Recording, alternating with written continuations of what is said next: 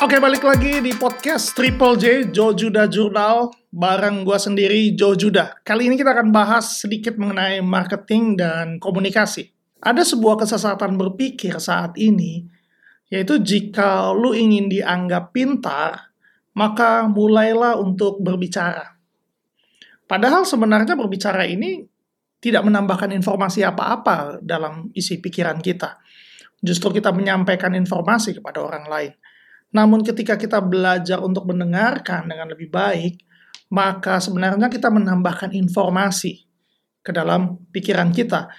Maka komunikasi sebenarnya berawal dari bagaimana kita mendengarkan. Eh, mendengarkan dengan lebih baik. Para komunikator-komunikator ulung umumnya adalah orang-orang yang pandai dalam mendengarkan mereka cerdas, mereka tahu tidak hanya sekedar mendengarkan, namun mereka menyimak ketika uh, mereka berkomunikasi dengan orang lain.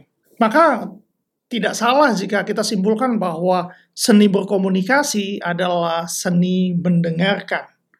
Nah, ketika marketing berbicara mengenai bagaimana kita berkomunikasi, mengkomunikasikan produk kita, ide kita, gagasan kita, solusi yang kita punya buat orang lain, maka marketing adalah seni mendengarkan.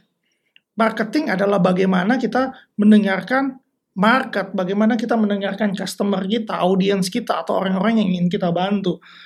Bahkan uh, Seth Godin Eh, salah satu pemikir marketing modern ya saat ini dan buku-bukunya banyak gua baca.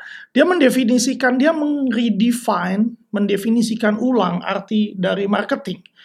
Uh, ini gua kutip kata-kata dia ya. Marketing is the generous act of helping someone solve a problem, their problem, not our problem. Makanya jika Anda berpikir bahwa marketing adalah kegiatan promosi, dan apalagi jika Anda berpikir marketing adalah tindakan menjual barang, itu sesuatu yang kurang tepat atau keliru. Eh, bedakan di sini antara sales dan uh, marketing. Nanti kita akan bahas ini di, mungkin di podcast yang terpisah kali ya. Tapi kali ini kita akan membahas sedikit mengenai bagaimana sih kita mendengarkan, mendengarkan dengan bijak. Bagaimana sih ketika kita bisa melakukan kegiatan marketing dengan lebih baik hanya dari mendengarkan lebih baik. Tips pertama yang gue bisa bagikan adalah saat ini kita perlu mendengarkan di mana banyak orang berkumpul, di mana banyak orang berbicara. Dan ketika rananya saat ini adalah digital marketing, maka kita perlu ada di tempat-tempat digital di mana orang berkumpul dan ramai berbicara dan ini tidak lain tidak bukan kita temukan di sosial media. Jadi sosial media sebenarnya adalah tempat terbaik untuk kita mulai mendengarkan market kita. Namun begini, di mana banyak orang berbicara, di situ juga ada noise. Maka kita perlu bisa membedakan suara mana yang kita perlu dengarkan, perlu kita simak, dan suara mana yang kita perlu abaikan. Makanya kita perlu dibantu oleh tools. Apalagi di sosial media saat ini uh, terlalu banyak, saya bisa bilang uh, rame sekali, terlalu bising dalam tanda kutip. Kita perlu memilah-milah. Di sinilah peranan teknologi untuk membantu Anda. Ini banyak banget ya, uh, ada sosial media analytics kalau di luar sana, lalu kalau untuk website ada Google Analytics dan sekarang semua platform hampir memiliki analytics. Nah, maka problem yang berikutnya adalah sebenarnya bukan mengakses data, tapi bagaimana mengubah data tersebut menjadi informasi, menjadi sebuah insight. Dan sering kali ketika ditanya, Anda punya datanya? Punya datanya, semuanya dijebrengin banyak datanya, tapi ternyata data tersebut nggak bisa jadi apa-apa. Nah ini analisis paralisis ketika kita terjebak di dalam data yang kita punya eh, dan kita kelelahan dan kita nggak bisa menganalisa. Nah ini juga perlu skill, perlu seni. Makanya ada profesi-profesi seperti uh, data science, data artis. Mereka mengolah bagaimana dari data-data tersebut bisa menjadi uh, insight. Berikutnya adalah ini perlu juga dibutuhkan Karena ketika Anda punya data, Anda tahu mendengarkan di mana, namun Anda nggak punya cara berpikir yang terbuka, ini juga akan mengalami kesulitan ketika kita melakukan kegiatan marketing. Khususnya sih kebanyakan ini untuk para founder atau orang-orang yang sudah lama menggeluti produk uh, tersebut. Karena ini bisa dimaklumi, karena ini ada ikatan emosi terhadap produk tersebut. Dan biasanya respon pertama kita ketika kita dikritik, ketika kita uh, mulai mendengarkan, apalagi mendengarkan penilaian orang terhadap produk kita, uh, kita cenderung untuk defense. Uh, kita merespon dulu untuk say no dulu sebelum kita mulai memikirkan atau mempertimbangkan. Yes, memang nggak semua masukan, nggak semua uh, kritik itu kita eksekusi, namun kita perlu setidaknya mempertimbangkan, mendengarkan, membuka pikiran kita. Nah, ini tips dari gua kalau lu mau mendengarkan brutal honest terhadap produk atau solusi lu, lu bisa mulai mendengarkan dari orang yang lu nggak suka. Karena begini, karena ketidaksukaan kita biasanya berasal dari subjektivitas. Namun kritik yang dilontarkan apalagi di depan kita adalah uh, objektif. Karena kalau itu subjektif, karena masalah personal, biasanya dia akan ngomong di belakang. Dia nggak akan ngomong di depan lo. Jadi uh, biasanya kritik tersebut valid. Setidaknya lu bisa pertimbangkan sebelum lu membuang itu atau mengabaikan. Jadi uh, lu mulai coba cari orang yang lu nggak begitu suka uh, secara personal, tapi pemikirannya memang valid. Lalu di mana sih uh, sebenarnya tambang emas lu untuk mendapatkan informasi yang berguna adalah di customer care lu. Di divisi customer care, di divisi orang yang sering komplain, uh, suara customer, uh, itu yang perlu lu dengarkan, itu yang perlu lu gali. Lu lihat di sana paling banyak orang komplain mengenai apa sih.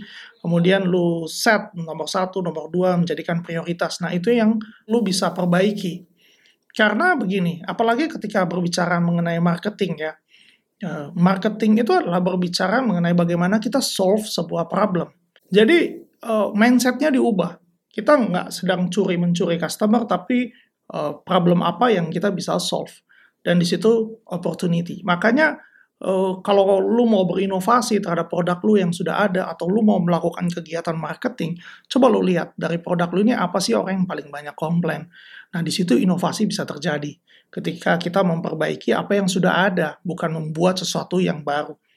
Yang terakhir adalah setelah kita dapat informasi semua itu, lalu kita olah, lalu kita jadikan campaign, ini yang kita perlu lakukan adalah mendengar dan menyimak suara kita sendiri. Nah, ini yang jarang dilakukan ketika kita berbicara kepada orang lain, bahkan ketika kita meeting, atau bahkan ketika kita uh, berdiskusi, kita jarang merekam kata-kata kita sendiri. Nah, kenapa ini penting? Karena begini, sering kali apa yang kita pikirkan dan kita ucapkan itu ternyata berbeda. Dan apa yang ditangkap itu berbeda. Nah, kenapa ini bisa terjadi? Pertama, bisa karena kita menggunakan kata-kata yang tidak efektif. Kita menggunakan campaign yang kita pikir bagus, namun ternyata misleading terjadi. Makanya ini perlu evaluasi. Ini sebenarnya tahap tahap evaluasi. Bagaimana kita mengevaluasi misal campaign marketing kita. Ketika dipublish, kita perlu untuk mendengarkan uh, apakah segmentasinya sudah benar atau tidak. Apakah responnya sudah sesuai atau tidak. Apakah yang kita pikir menjadi solusi adalah benar-benar menyelesaikan real problem atau tidak. Nah, di sini proses kita mulai mendengarkan ulang apa yang kita uh, sampaikan. Dan ini juga berlaku pada komunikasi uh, verbal kita seperti uh, ini salah satu alasan kenapa gue bikin podcast. Gue bikin podcast itu salah satunya adalah agar gue bisa belajar untuk berkomunikasi dengan lebih baik. Gue merekam apa yang gue sampaikan, gue merekam ulang apa yang gue bagikan. Ini sebenarnya masukan ketika gue ngajar di salah satu digitop lalu di sana setelah selesai acara ada yang mengisi survei dan eh, dia memberikan masukan bahwa pematerinya menyampaikan penjelasannya berbelit-belit dan berputar-putar dan ketika gua dengarkan ulang apa yang gue bagikan di sana, gue sendiri aja bisa nggak mengerti. Nah di situ gue bilang oh ternyata memang ada perbedaan yang berbeda yang sangat jauh. Ketika lu sharing sesuatu secara langsung workshop yang offline dengan workshop digital seperti seperti yang gue lakukan. Karena biasanya ketika kita melakukan webinar orang akan matikan video dan menyimak suara saja. Itu biasanya dilakukan agar koneksi lebih stabil Nah, di sini problemnya ketika kita tidak melihat visual, kita fokus pada suara, ternyata kita sadari kata-kata yang kita gunakan cenderung diulang-ulang, cenderung tidak efektif, uh, mungkin terlalu cepat sehingga pelafalannya salah, sehingga uh, maksudnya bisa jadi berbeda dengan yang dipikirkan. Makanya gue mulai untuk eh, gue rekam. Jadi podcast gue itu adalah sarana gue belajar untuk berkomunikasi dengan lebih baik. Balik lagi ke area marketing, apa pun produk Anda, Anda perlu dengarkan ulang. Tone Anda sudah tepat atau belum. Uh, anda perlu evaluasi ulang lagi. Agar apa? Agar Anda bisa berkomunikasi, menyampaikan ide dan gagasan Anda dengan jauh lebih baik. Oke, itu aja yang gue bisa bagikan. Sampai ketemu di podcast-podcast lain yang ngebahas soal marketing.